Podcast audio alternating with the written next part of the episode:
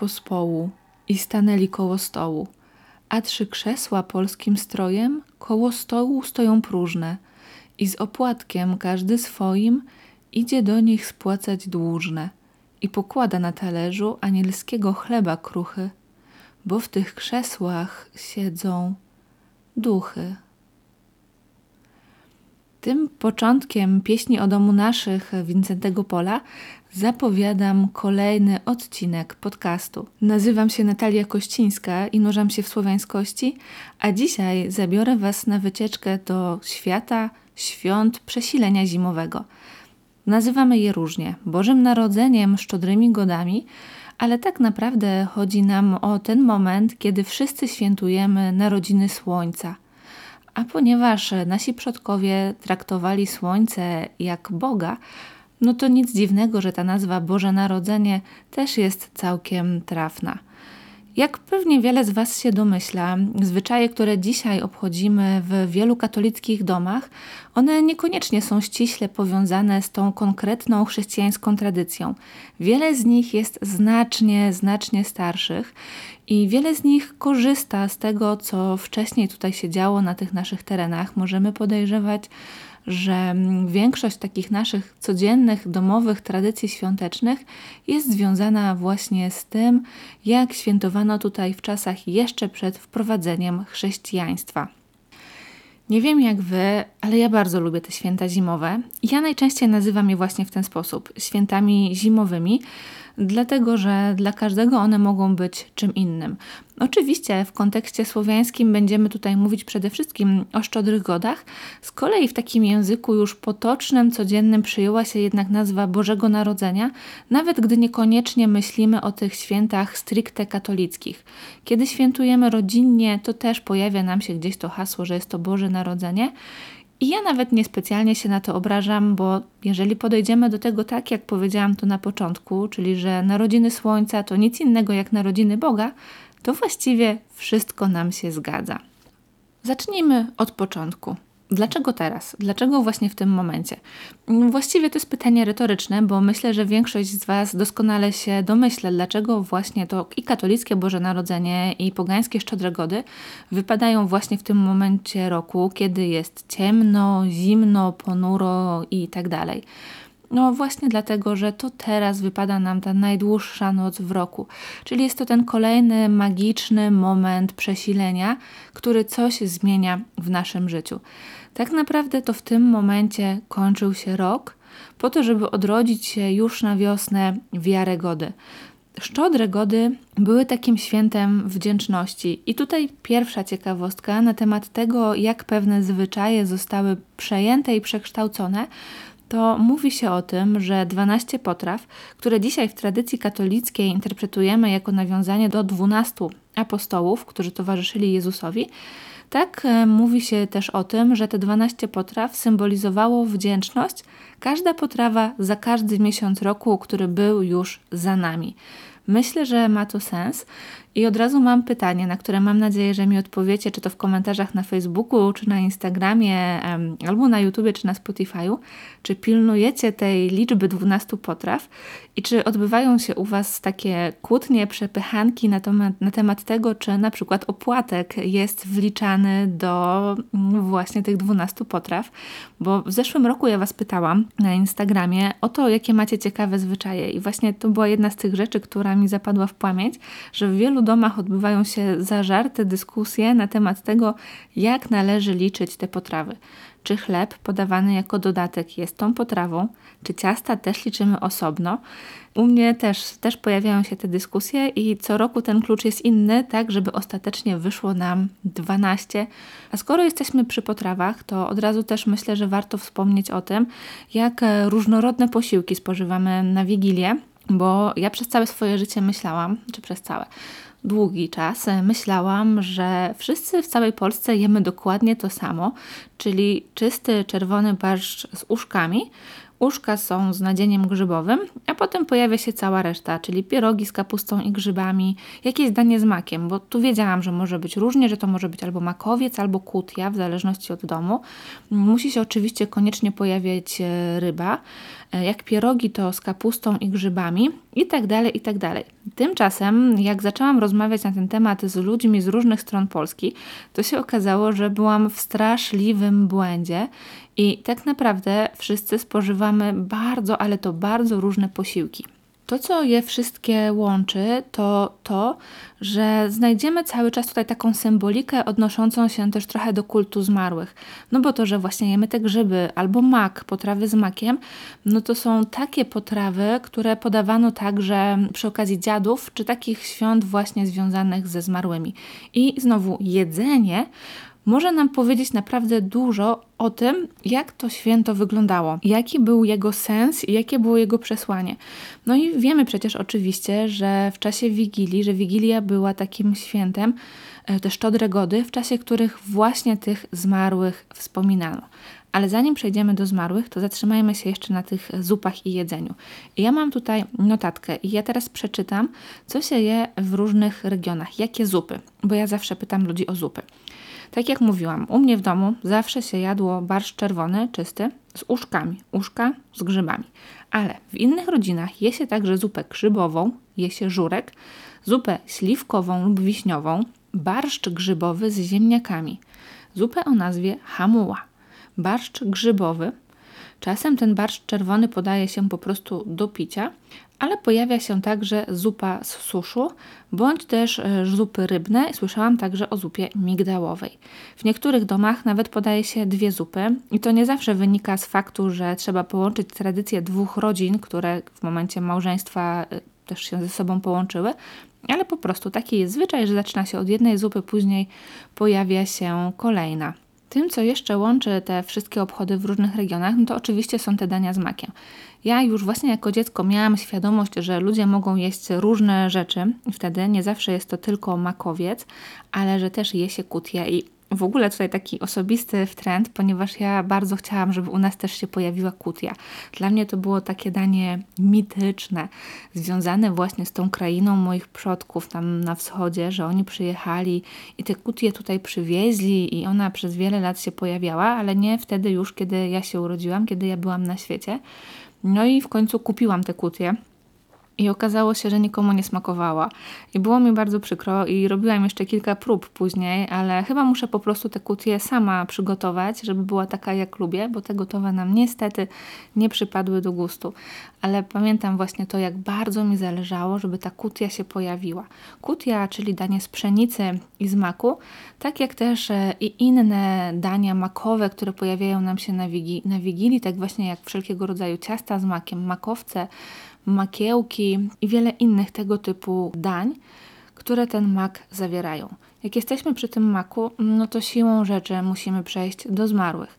Bo tak jak już wspomniałam, to właśnie mm, szczodre gody w dużej mierze były związane z kultem zmarłych. I echa tych wierzeń widzimy do dzisiaj. W tradycji katolickiej to puste miejsce, które zostawiamy przy stole, ono najczęściej tłumaczy się, że to dla jakiegoś strudzonego wędrowca, dla jakiegoś pasterza i tak dalej, i tak. Niektórzy mówią wręcz, że właśnie dla, dla samego Jezusa. Tymczasem w tradycji słowiańskiej, przedchrześcijańskiej, to wolne miejsce było miejscem dla zmarłych. I ja się z tą narracją spotykam też dzisiaj coraz częściej. Zwłaszcza kiedy to są pierwsze święta po tym, jak się straciło kogoś bliskiego, to to puste miejsce jest wtedy takie bardzo symboliczne. Tak zresztą, jak mogliście usłyszeć w tym fragmencie wiersza, który przeczytałam Wam na początku, że te miejsca są zostawione właśnie dla tych ludzi, których nie ma już z nami fizycznie, po to, żeby mogli być przy nas właśnie w formie duchowej. Z tego też e, tytułu w wielu domach praktykuje się zwyczaj niesprzątania po kolacji wigilijnej. Dlaczego? Ano dlatego, że kiedy już żywi pójdą spać, to wtedy biesiadować będą zmarli. Oni będą wtedy obchodzić swoje święta, no więc trzeba im te talerze, potrawy, to wszystko zostawić. Jednym z takich moich e, ulubionych, bo bardzo uroczych zwyczajów jest ten, że jeżeli już wstajemy od stołu w Wigilię i potem chcemy usiąść z powrotem, to powinniśmy wykonać taki e, zmiatający ruch po to, żeby przypadkiem właśnie nie usiąść na jakiegoś ducha naszych przodków, żeby kogoś właśnie nie uszkodzić. Więc tych zwyczajów e, związanych z przodkami mamy wiele. W wschodnich e, tradycjach e, też jest taki diduch, który też mógł być w jakiś sposób związany z przodkami. Diduch to był taki mm, snopek zboża, e, powinien być pierwszy z rzęty w czasie żniw, wtedy go odstawiano właśnie z myślą o, o szczodrych godach i stawiano go w rogu izby na czas świąt.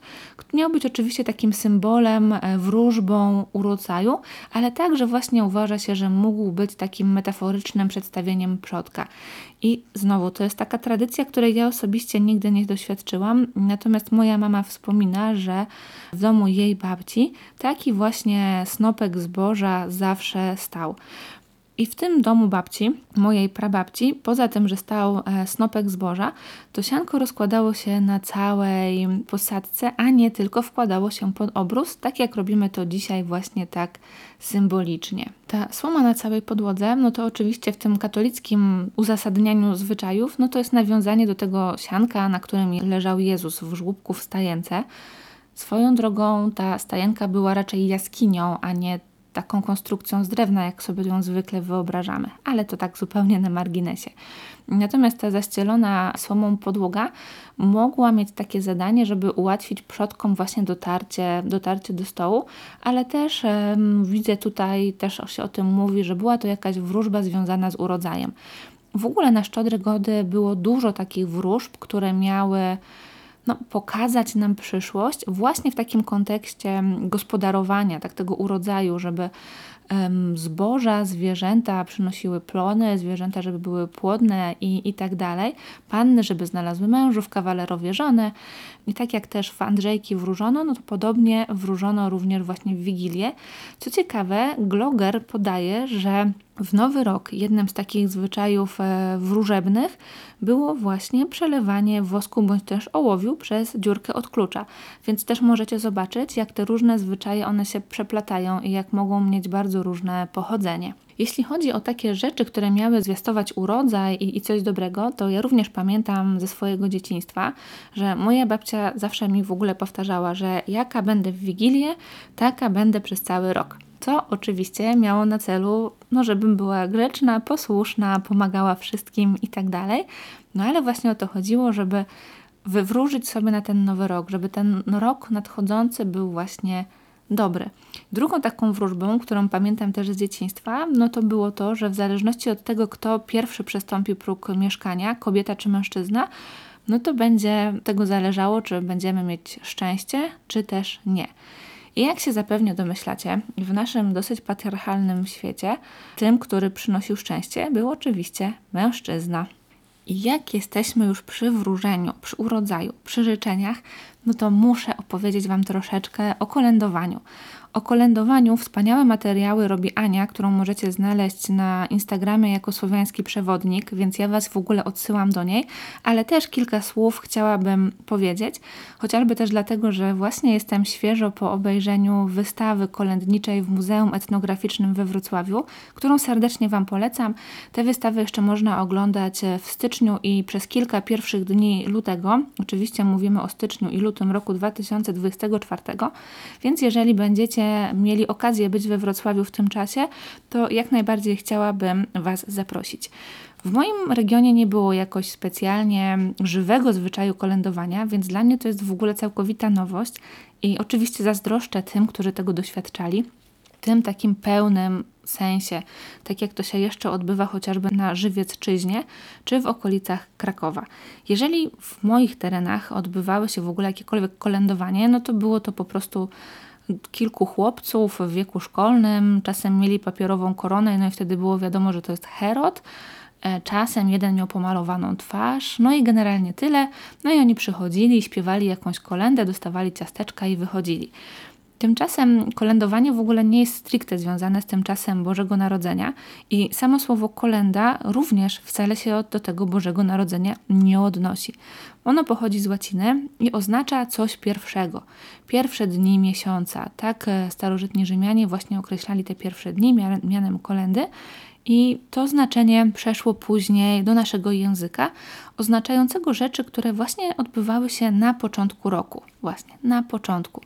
I te kolendy, które się śpiewa, te jako pieśni, to niekoniecznie muszą być chrześcijańskie pieśni związane z Bożym Narodzeniem, ale po prostu takie pieśni życzące noworoczne. W ogóle ten czas kolędowania to też nie był tylko dzień e, Bożego Narodzenia, ale właściwie cały ten okres szczodrogodowy, bo same obchody szczodrych godów mogły trwać i dwa tygodnie. Dzisiaj to w jakiś sposób podświadomie czujemy, biorąc pod uwagę to, że zaczynamy świętować Wigilię 24 grudnia, a kończymy de facto w okolicy 6 stycznia, kiedy obchodzimy święto Trzech Króli a w tradycji wschodniej, prawosławnej, właśnie wtedy odbywa się ten y, szczodry wieczór.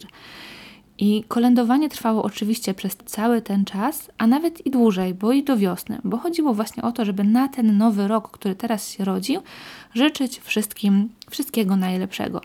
Kolędnicy mieli niesamowite stroje, przepiękne, kolorowe, wykonywane zwykle z tego, co było pod ręką. I kiedy oglądałam tę wystawę i obserwowałam w ogóle tę różnorodność strojów, byłam pod ogromnym, ogromnym wrażeniem bo wiele z tych strojów w ogóle kojarzyło mi się z czymś zupełnie obcym, takim właśnie kolorowym, no egzotycznym, że tak to ujmę. I to też mi dało do myślenia, że naprawdę niewiele wiemy o swojej kulturze, która może się wspaniale równać z innymi, innymi kulturami. Każdym razie kolędowanie miało na celu przynoszenie szczęścia domownikom, gospodarzom. Grupy kolędnicze w tych niesamowitych strojach, których często przypominali zwierzęta, trochę też łamali tabu, tak jak w ogóle się to odbywa w całym tym czasie karnawału, czyli przebierali się czy to za zwierzęta, czy, czy mężczyźni na przykład za kobiety, generalnie za kogoś, kim nie są, żeby właśnie pokazać ten odwrócony porządek chodzili z gwiazdą, przepiękną gwiazdą symbolizującą te narodziny Słońca, e, z Turoniem oczywiście. Wszyscy zawsze kojarzymy Turonia, czyli tę kukłę przypominającą trochę kozę, trochę konia, ale także właśnie z innymi postaciami, odśpiewywali kolendy, odgrywali scenki, te kolendy życzące, niekoniecznie nie zawsze te chrześcijańskie, bożonarodzeniowe. I to, co było ważne, to, że takiemu kolędnikowi należało coś w zamian dać. On przychodził z życzeniem, on przychodził z dobrą wróżbą i za tę wróżbę trzeba było trochę zapłacić, a trochę po prostu okazać wdzięczność. Więc zwyczajem było to, że kolędnicy dostawali albo pieniądze, albo słodycze, albo jakieś ciasta i jedzenie. No i nie kojarzy nam się to z czymś, co odbywa się dzisiaj. Dokładnie na takiej samej zasadzie odbywa się przecież Halloween, e, że też e, jeżeli nie dostaniemy tego poczęstunku, no to odbywa się ten tak zwany psikus, czyli jakieś nieszczęście i dokładnie na tej samej zasadzie opiera się kolędowanie. Przychodzimy w przebraniach po to, żeby odstraszyć zło i przyciągnąć dobro, przyciągnąć urodzaj. Te kolendy, które śpiewa się w trakcie, kolendy życzące, one najczęściej były oczywiście związane z tym urodzajem, z tymi plonami, ze zwierzętami, czyli z tym, co tak naprawdę było tutaj najważniejsze na wsi, ale pojawiają się też inne tematy, jak chociażby to, że pannom się życzy dobrego męża, a kawalerom e, obrotnej żony. Ja w ogóle mam takie marzenie, żebyśmy trochę do tego kolędowania wrócili i mam nadzieję, że uda mi się coś kiedyś takiego właśnie zrobić, żebyśmy jednak te pochody kolędnicze bardziej jeszcze przywrócili do łask, żeby one nadal, nadal się odbywały, bo myślę, że jest to jedna z naszych najpiękniejszych tradycji i chyba byłoby szkoda, gdyby przepadła. I mówię to też właśnie obserwując, e, wspominając tę, no, tę wystawę, którą obejrzałam wczoraj w Muzeum Etnograficznym, bo naprawdę ta feria barw, ta cała symbolika, te niesamowite stroje i te pieśni, to jest coś, co naprawdę człowieka porusza. Więc e, mam nadzieję, że uratujemy kolędowanie od zapomnienia.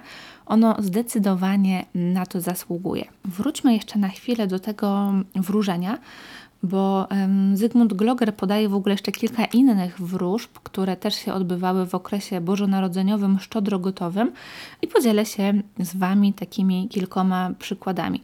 To, co należało zrobić albo czego nie należało robić, żeby zapewnić sobie szczęście w przyszłym roku.